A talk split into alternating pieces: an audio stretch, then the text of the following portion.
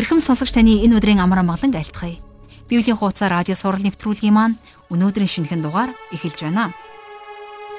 Тэгэхээр өнөөдрийн хичээлээр бид шашны мөн чанарын талаар зарим нэгэн зүйлийг ярилцаж судлах болно.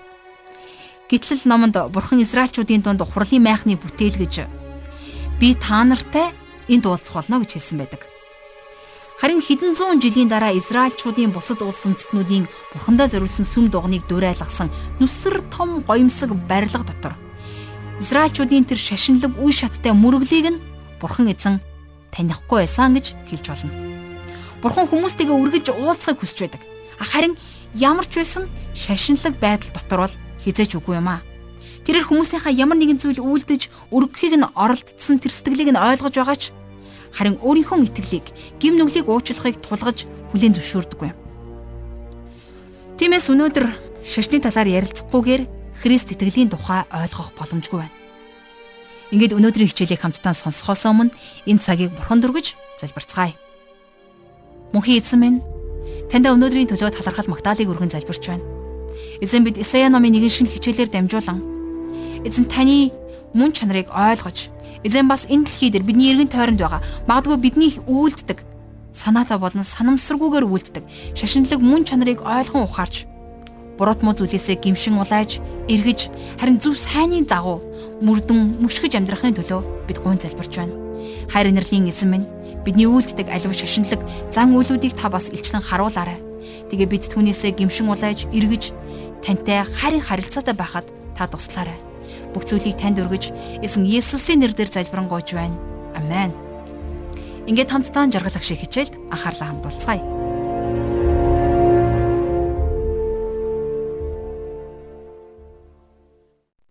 За тэгэхээр та бидний өнөөдрийн хамтдаа үзэж эхлэх 58 дугаар бүлгээр болвол Исаи номын маань сүүлчийн хагасын 3 дахь хэсэг эхэлж байгаа.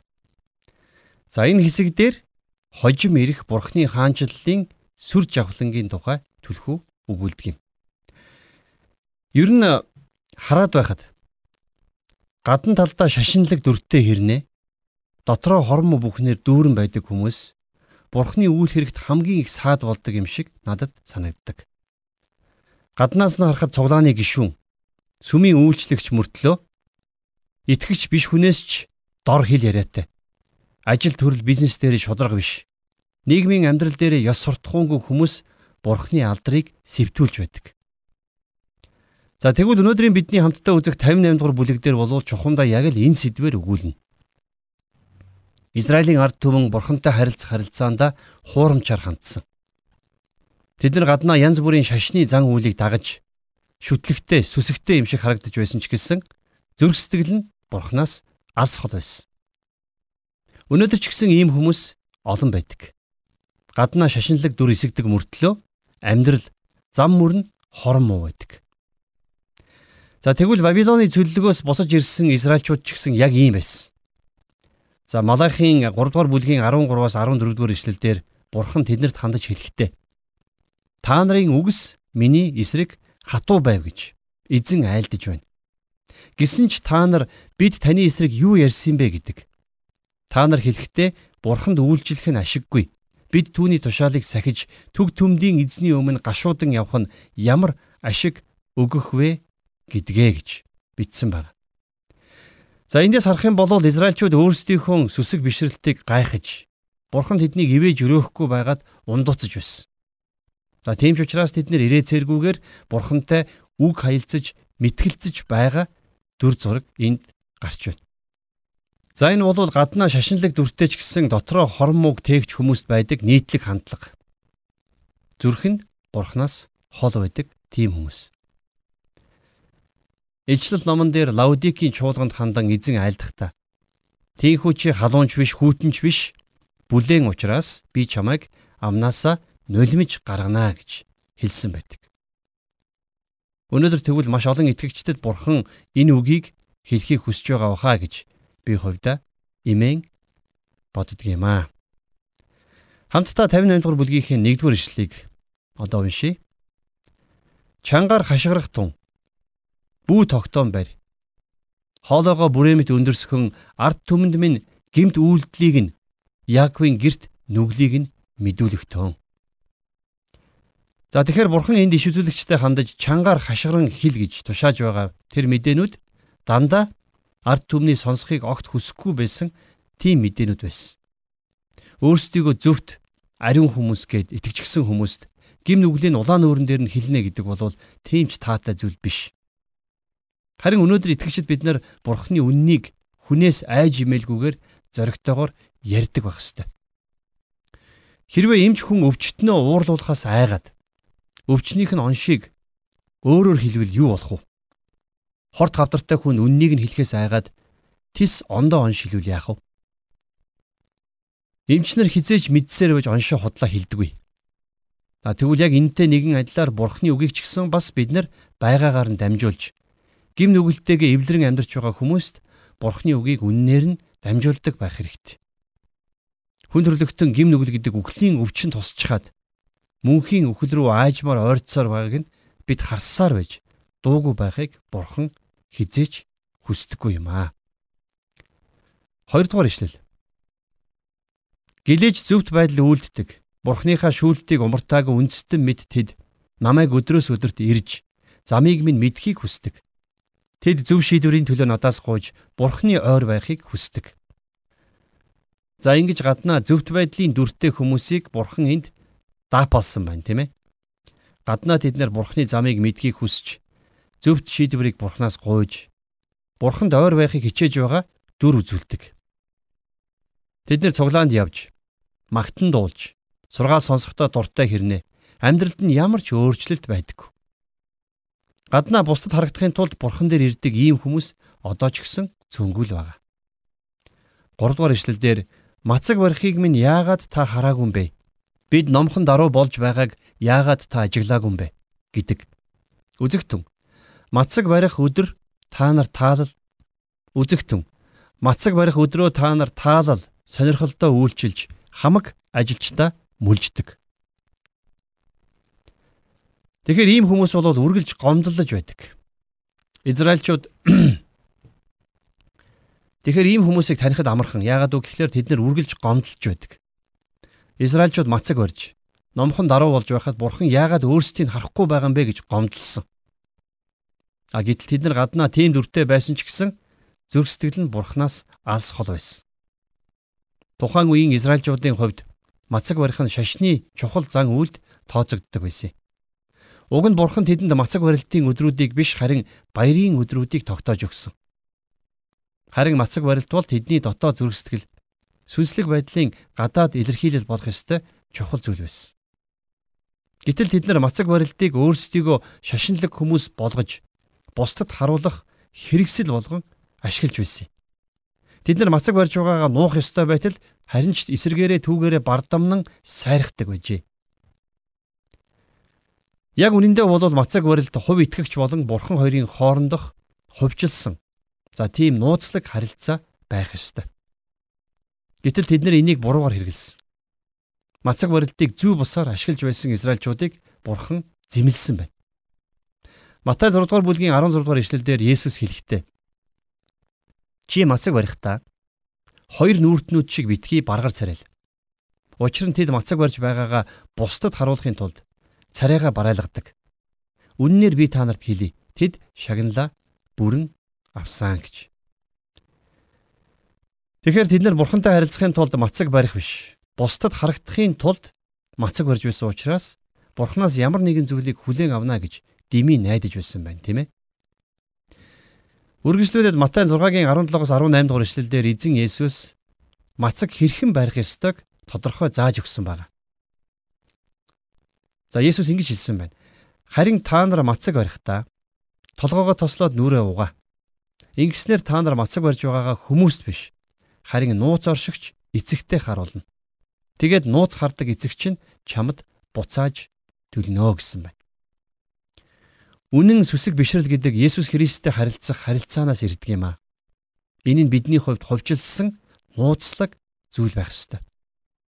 Та их нэртэйгээ эсвэл нөхөртөөгөө харилцах хувийн дотны харилцаагаа хүн бүхэн зарлаад явдггүй биз? Мэдээж хин ч ингэдэггүй. Хэрвээ та Есүс Христтэй ховжилсан харилцаатай бол Энэ бол үнэхээр гайхамшигтай зүйл. А гэхдээ энэ зүйлээ зөвхөн Христ та хоёрын дунд байх нандин нууц байлгаарай. Та түүнийг амьдралаараа гэрчил. Гэхдээ энэхүү эрхэм нандин хувьчилсан харилцаагаа битгий үзүүлэн болгож зарл. Та өөрийнхөө шүтлэгтэй байдлаар сайрхаж байна уу? Та ямар нэгэн шашны зан үйл, ямар нэгэн баяр ёслол тэмдэглэснээрээ өөрийгөө сайн итгэж болчихлоо гэж сайрхаж байгаа бол маш том эндүрч байна гэж хэлмээр байна. Хэрвээ тэр бүх шашны зан үйл чинь таны сэтгэл зүрхний гүнээс гарахгүй юм бол таны сэтгэл зүрхэнд итгэл бишрэлийн жинхэнэ илрэл байж чадахгүй юм бол энэ бурхны мэлмид юу ч биш гэсэн үг. Бидэнд шашны зан үйл биш харин бодит итгэлийн амьдрал хэрэгтэй. Тийм учраас Исаигийн энэ үгсийг тухайн үед маш олон хүмүүс дургуйдсан хүлээж авсан байх. За чи юу яриад байна? Сүмд байнга очиж дахил өргөдөг сүсэг бишрэлтэй хүмүүсийг чи ингэж дайрч доромжилж болохгүй гэж хүмүүс Исаяг зэмлж байсан байхаа. Гэхдээ бурхан зүрх сэтгэл рүү хардаг. Харин тэрхүү шашинлаг израилчуудын хувьд тэднэрт бурхантай харилцах хувьчилсан харилцаа ердөөсөө ч байгаагүй. Тийм учраас бурхан тэдний зүрх сэтгэлийг сайн мэдэж байсан. Үргэлжлүүлээ дөрөвдүгээр эшлэлдэр үзэгтэн та нар хэрүүл маргаан хийж гимт нудрагаараа цохихын тулд мацаг барьдаг. Дуу хоолойгоо өндөрт сонсгохын тулд та нар өнөөдөр мацаг барихгүй байна. Тэдний мацаг барилдыг ер нь яагаад хүлээж авахгүй байгаа вэ гэдэг учир шалтгаанаа Бурхан энд хэлсэн байна. Тэд нар мацаг барьсан учраас Бурхан тэднийг тусгайлан авч үзнэ гэж тэд нар бодож байсан. Харин Бурхан тэдний зүрхийг мэдж байсан. За тэгвэл өнөөдөр бидний мацаг барилт ч гэсэн бас Бурханы биш. Хүний хүслийг гүйцэхийн төлөө байгаа юм биш үү? Бид нар сайн бодох хэрэгтэй шүү. 5 дугаар ишлэлдэр миний сонгож авсан мацаг барилт энэ гэж юу? Хүн өөрийгөө төлөв даруй болгох өдөр мөн үү? Хүний толгойг зэгс мэд бүхийлгэн үнсэн дээр хөвтүүлж таар нүмергэн гэсэн үг үү? Үүнийг л та нар мацаг барилт эзэнт тааламжит өдөр гэж дууддаг юм уу? За эндээс харах юм бол бурхан тэднийг мацаг бариараа гэж өрдөөсө тушаагаагүй. За тэгээд ч тэдний хүндлэл мөргөл нь бүгд гадаад үзэмжих байснаас тэдний зүрх сэтгэлээс ихтэй хүндлэл мөргөл ердөөсөж байгаагүй юм байна. Өнөөдөр ч гэсэн итгэгчид заримдаа ийм байдалтай байдаг. Тэд нар гаднаа итгэгч дүртэй. Гаднаа бурхныг хүндлэн дээдлж байгаа дүр эсэгдэгч гэсэн зүрх сэтгэлд нь тис өөр юм эргэлдэж байдаг. 6 дугаар ишлэл. Гин буруугийн хүлгийг мултлан буулганы оосрыг тайлж дарлагдагсдыг чөлөөлөөд альва буулгыг эвдэхийн тулд би энэ мацаг барилтыг сонгосон босуу. За энд бол бурхан яг мацаг барилтын жинхэнэ утга учирыг хэлж өгсөн байна. Их тодорхой байна, тийм ээ. Тэгэхээр бурхан Израильчуудад хандаж та нар үнэхээр мацаг барьмаар байгаа бол би та нарыг яг юу хийх ёстойг хэлж өгье. Та нар мацаг барьчихад түүнийгээ зарлан тунхаглаж явахын оронд гим нүгэл үлдэхэ боль. Хов жив яриха боль. Хорм үйлсээ орхиж итгэлээ үйлсээрээ харуул гэж хэлсэн байна. За дээрэс нь та нар гаднаа таар нөмөрч үнс цацаж суухын оронд зүрхэндээ цэвэр ариун бай гэж Бурхан тэдэнд сануулжээ. Өнөөдөр маш олон итгэгчдэд Бурхан за бас олон цуглаанд хандаж энэ үгээ хэлмээр санагдаж байгаа баха гэж би боддог. Бид нар өөрсдийнхөө шашинлаг байдлаар цуглаанд ирж байгаа эрцээрээ сүр бараатай мөргөлийн цагуудаараа дамжуулан Бурхны сэтгэлийг хангалуун болгоно гэж боддог. А гэтэл үнэн дээр бидний амьдралд гим нүгэл ёс бус байдал, хов жив, ата жөтөө, хормоо бүхэн дүүрэн байдаг. Харин бурхан биднийг энэ бүхнээ төрүүлж засаасаа гэж хүсдэгэ гэдгийг бид нар үргэлж санаж байх хэрэгтэй. За 7 дугаар ишлэлдэр өлсгөлэн нэгэнтээ талхаа хуваан хөөгдөж туугдсан ядуусыг гэртээ авчрах нь босуу. Нүцгэн нэгнийг хараад хувцлаж цусан төрлөөсөө нуугдахгүй байхын тулд босуу Тухайн үеийн Израильчууд ядарсан зүдэрсэн хүмүүсээс нүүрээ буруулан зугтдаг байсан. Тэд нар өөрсдийн цусан төрлийнхөндөө хамаатан саднуудаа хүртэл өгөөмөр инэрэнгүү хандхаас цааргалдаг байж. Тэд нар гаднаа шашинлаг гал халуун дүртэй хэрнээ зүрх сэтгэлдээ мэс шиг хүүтэн байсан. Тэднэрт бурхныг болон бусдыг гих сэтгэл өрдөөсөө байгаагүй. Хэрвээ бидэнд бурхныг гэсэн сэтгэл байх юм бол бусдыг гэсэн сэтгэл аяндаа төрдөг юм аа. Та бусдад туслахыг аяндаа хүсэх болно. Тэдэнд ивэл өрөөл болохыг хүсэх болно. Та бурханд чин сэтгэлээсээ итгэж бурхныг хайрлж байж зүрх сэтгэлдээ үзэн ядалт өшөө хорсол тэн амьдрч чадахгүй. Итгэгч бидний амьдралд байдаг хагарал тэмцэл хүйдэ хүндий байдал нь Христийн үйл хэрэгт саад тотгор учруулж байдаг. Бид нар Исаигийн энэ үгсийг өөрсөд дээрээ тусган авч өөрсдийгөө энэ үгсээр үнэлж дүгнэх ёстой. Бурхны хүмүүс Бурхны өмнө ариун дүр эсгэж цуглаан болж тоглоосоо гэж Бурхан ердөөсөө хүсдэггүй юм а.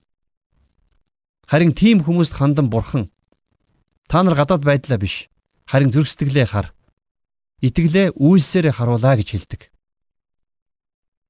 За тэгвэл Исая яагаад өөрийнхөө амьдарч байсан тэр цаг үедээ муу нэртэй байсныг та лав одоо ойлгож байгаа бах. Яагаад гэвэл Исая Бурхны хатууч гэсэн үнэн үгийг яг байгаагаар нь хилдэг байсан.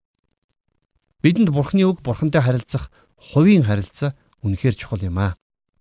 8 дугаар ишлэл дээр Тэгвэл гэрэл чинь үүрийн гэгээ шиг цацарч, эдгэрэлт чинь үтэр төргөн өсөж, зөвхт байдал чинь чиний өмнө явах бөгөөд эзний алдар чиний арын хамгаалалт болно гэсэн байна. За. Бурхан Израильчуудыг ивэж өрөөхийг маш их хүссэн ч гэсэн энэ нь боломжгүй байсан. За яагаад боломжгүй байсан бэ гэхлээр Израильчууд шашинлаг байдалтай хитрхи анхаарад Бурхны өмнө зөвхт амьдрахыг юм чинээ тоохгүй байсан. Израильчуудын дунд Бурхан хамт байх боломжгүй байсан. Тэдний амьдрал нь бузар муу байсан учраас тэдний дунд байх газар Бурханд үнэндээ байгаагүй. Зарим итгэгчид өөрсдийнхөө амьдралын муу үлгэр дуурайлаасаа болоод Христийн сайн мэдээ түгэн дэлгэрхэд саад болж байдаг.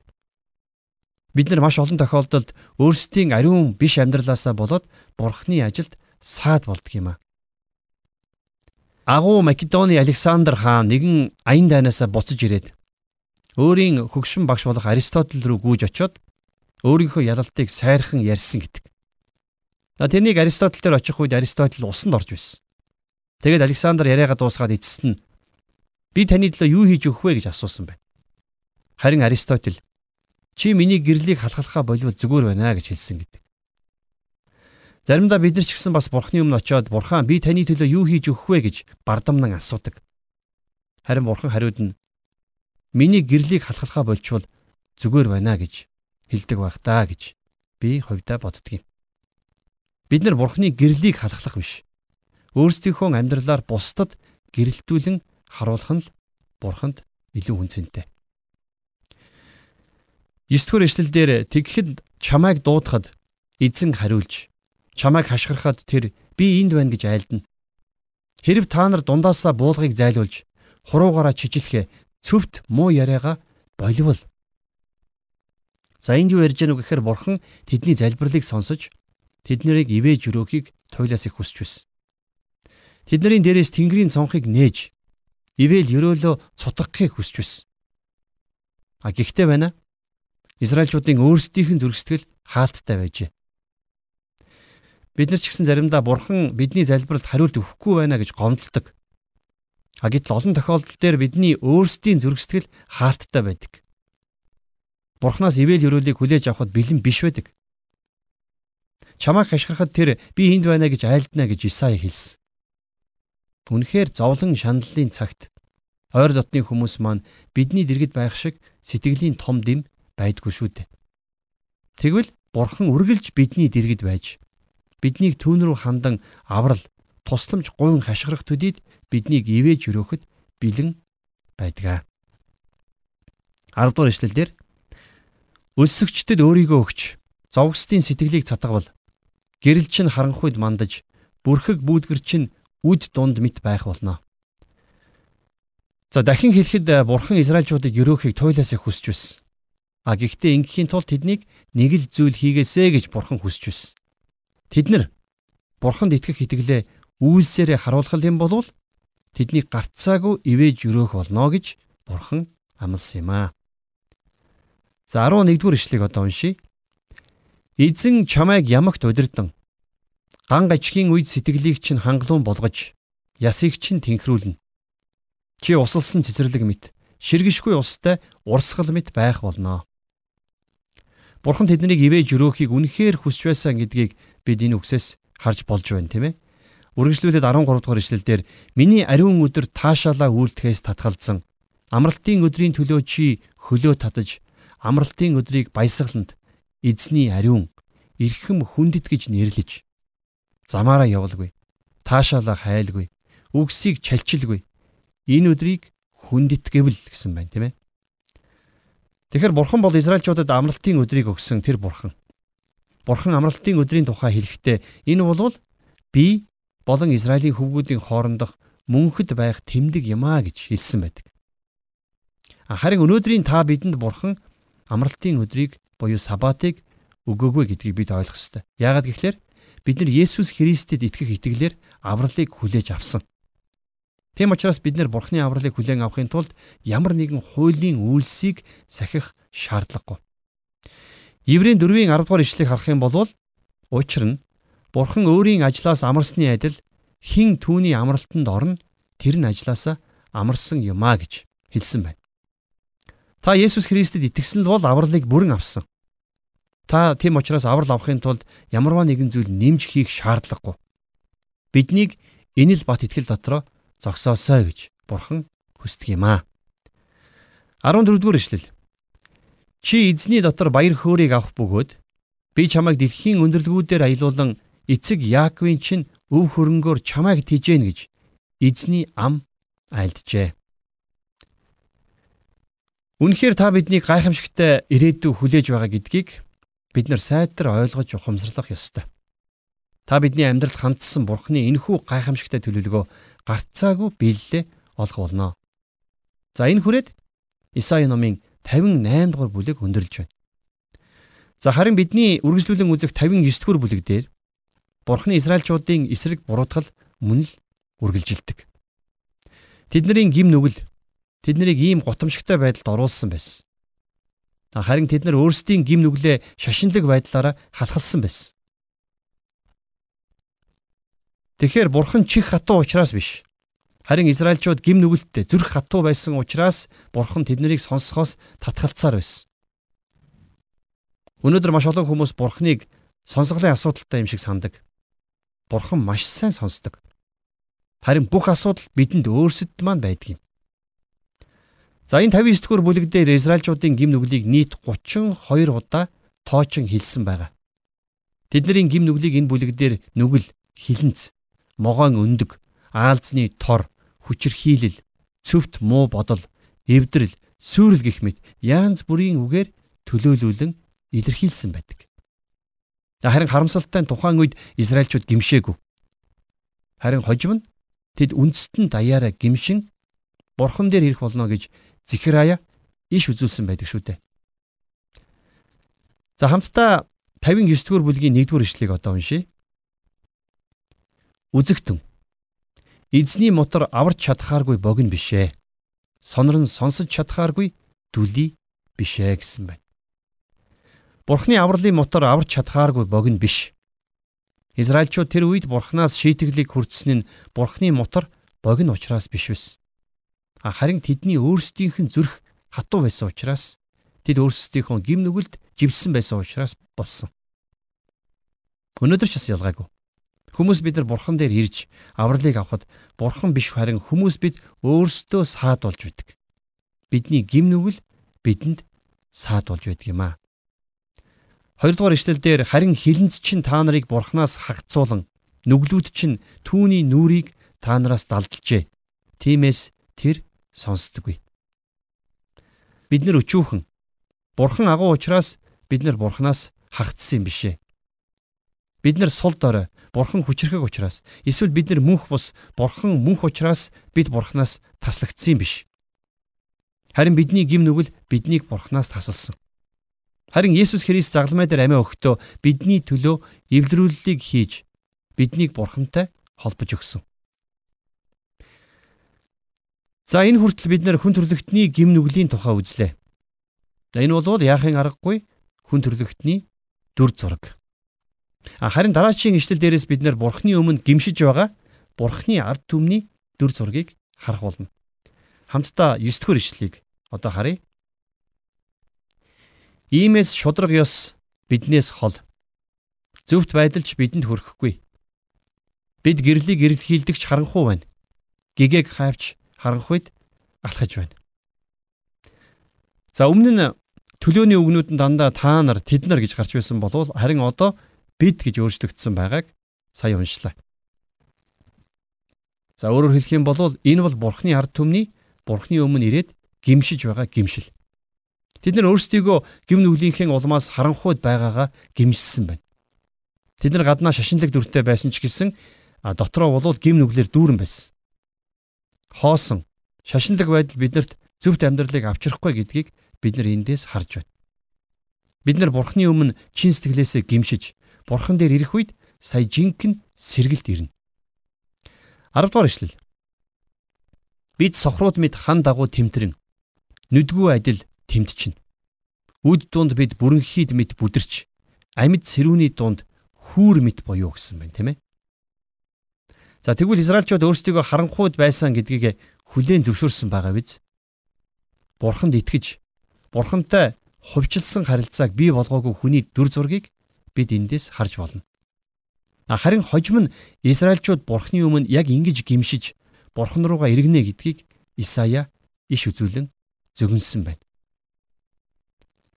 Та бидний гимшил Бурхны өмнө илэн далангүй байх ёстой. Бид нар Бурхны өмнө хувьчлан очиод бүх гим нүглээ гимших хэрэгтэй. Та бид бүгдийн амьдрал хангалттай их гим нүгэл байгаа. Бид нар тэр бүхнээ Бурхны өмнө очиж гимших ёстой. За энэ цагийнхаа эцэст хамтдаа 59 дугаар бүлгийнхаа 20-оос 21 дугаар ишлэгийг уншъя. Тэрээр Сион уур Тэрээр Сион руу Яаков доторх гимт үйлдэлээсээ эргэсэн хүмүүс рүү аврагч болон ирнэ гэж эзэн тунхаглав. Миний хувьд энэ нь тэдэнтэй байгуулах миний гэрээ юм а гэж эзэн айлдаж байна. Чиний дээр байгаа миний сүнс, чиний аманд тавьсан миний үгс нь амнаас чинч, үр удмын чин амнаас ч Үр удмын чинь үр удмын амнаас ч үрд мөнгө салахгүй гэж эзэн айлдаж байна.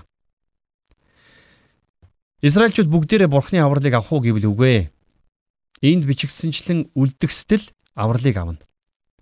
Ром номын 9-р бүлгийн 6 дугаар ишлэлдэр Паул хэлэхдээ Израилаас байгаа бүгд нь Израиль бишээ гэж хэлсэн байдаг. Чуулган доторч гисэн адилхан гаднаас нь харахад итгэгч дүртэй хүмүүс олон байдаг ч гэсэн бидний дунд байгаа жинхэнэ итгэгчид л аврагт болно. Хожим нь аврагч Есүс дахин ирэх үед Зихраи номон дээр бичигдсэн үгс биелэлээ олно. Зихраи номын 12-ын 10 дээр бичигдсэнчлэн би нэгүслийн бас гуйлтын сүнсийг Давидын гэр дээр Иерусалимийн оршин суугчид дээр асгана. Тэгснэр тэд жадалсан нэгнээ харах болно. Тэд ганц хүүгийнхээ төлөө гашуудж байгаа нэг мэд түүний төлөө гашуудан ууган хүүгийнхээ хойноос асгарт уйлдаг шиг түүний хойноос асгартал уйлах болно гэсэн үгс тэр цагт мөн биелэлээ олох болно. Есүс Христ энэ дэлхий дээр гарцаагүй дахин ирэх болно гэдэг амлалт биелэх болно. Яагад гэвэл энэ нь Бурхны зориг.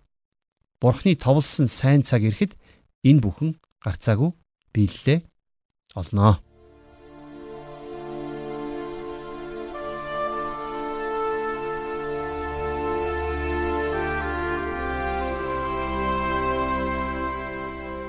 Тэгэхээр өнөөдөр бид хамтдаа Библийн хуудас радио хичээлийн 815 дахь дугаарыг хамтдаа хүлээн авч сонслоо. Хичээлийг зааж тайлбарж өгсөн багштай маш их баярлалаа. Хэрвээ өнөөдрийн хичээлийг сонсоогүй бол чадлаараа л эрен хайж байхад яагаад ойлгож ивэдгүй бурхан бэ гэж хэлэх байсан баг. Харин мацаг барьж шашны зан үлийг ягштал мөрдсөн ч гэсэн Израильчууд чиг өөрийг нь тэгтлээ хайрлаж ивэж аварсан бурханаа мартсан бол ямар хэрэг байх вэ дээ? Тэгвэл бурхан иш үзүүлэгчдэрээ дамжуулан би энэ зөрүүд ард түмэн лүү өдөржингөө гараа сунгалаа гэж хэлснийг та бид урд өмнө нь үзэж судалсан байгаа. Тэгвэл бидний зүрх сэтгэл бурханаас хол байвал бидний амь амьдрал ч гэсэн бурханаас хол байх болно. Бурхан хүмүүс бидэн шиг харагдах байдлаас нь гоёмсог байхыг чухалчилдаг юм аа. Бид Иесус Христийг ирэх өдрийг хүртэл чин зүрх сэтгэлээсээ гимшиж, улааж, итгэлээрээ бат цогсох үед Хүмүүс биднийг ямар нэгэн шашин шүтдэггүй гэдгийг ойлгох болно. Ягаад гэвэл бүх шашин цаг үеийг даган өөрчлөгдөж байдаг. Харин бидний бурхан эзэн бол мөнхийн өөрчлөгдөшгүй мөн чанартай юм аа. Түүнд алдар магтаалыг өргөж хамтдаа залбирцгаая. Харин нэрлийн эзэн минь танд өнөөдөр хичээлийн төлөө талархал магтаалыг өргөн залбирч байна. Их эзэн минь ээ та оргуу хоосноос орчлон ертөнцийг бүтээсэн билээ.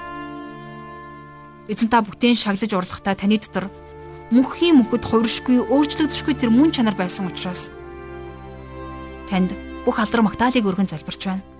Хайр инэрлийн эзэн минь та түүнийхээ тусгал болгон хүмүүнийг та өөрийнхөө дүр төрхөөр бүтээсэнд талархал магтаалыг өргөн залбирч байна. Эзэн бид таны дүр төрхөөр бүтээгдээд таны мөн чанараар амьдрахыг бид хүсэмтлэн залбирч байна.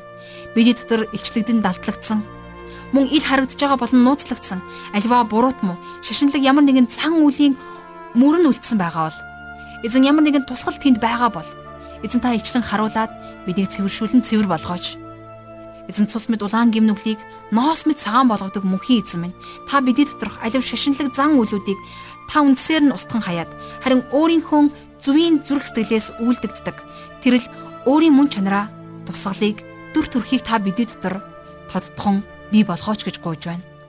Хайр инэрлийн эзэн минь танд бүх алдар магтаалыг өргөж эзэн Есүсийн нэрээр залбирanгуйлаа. Амен.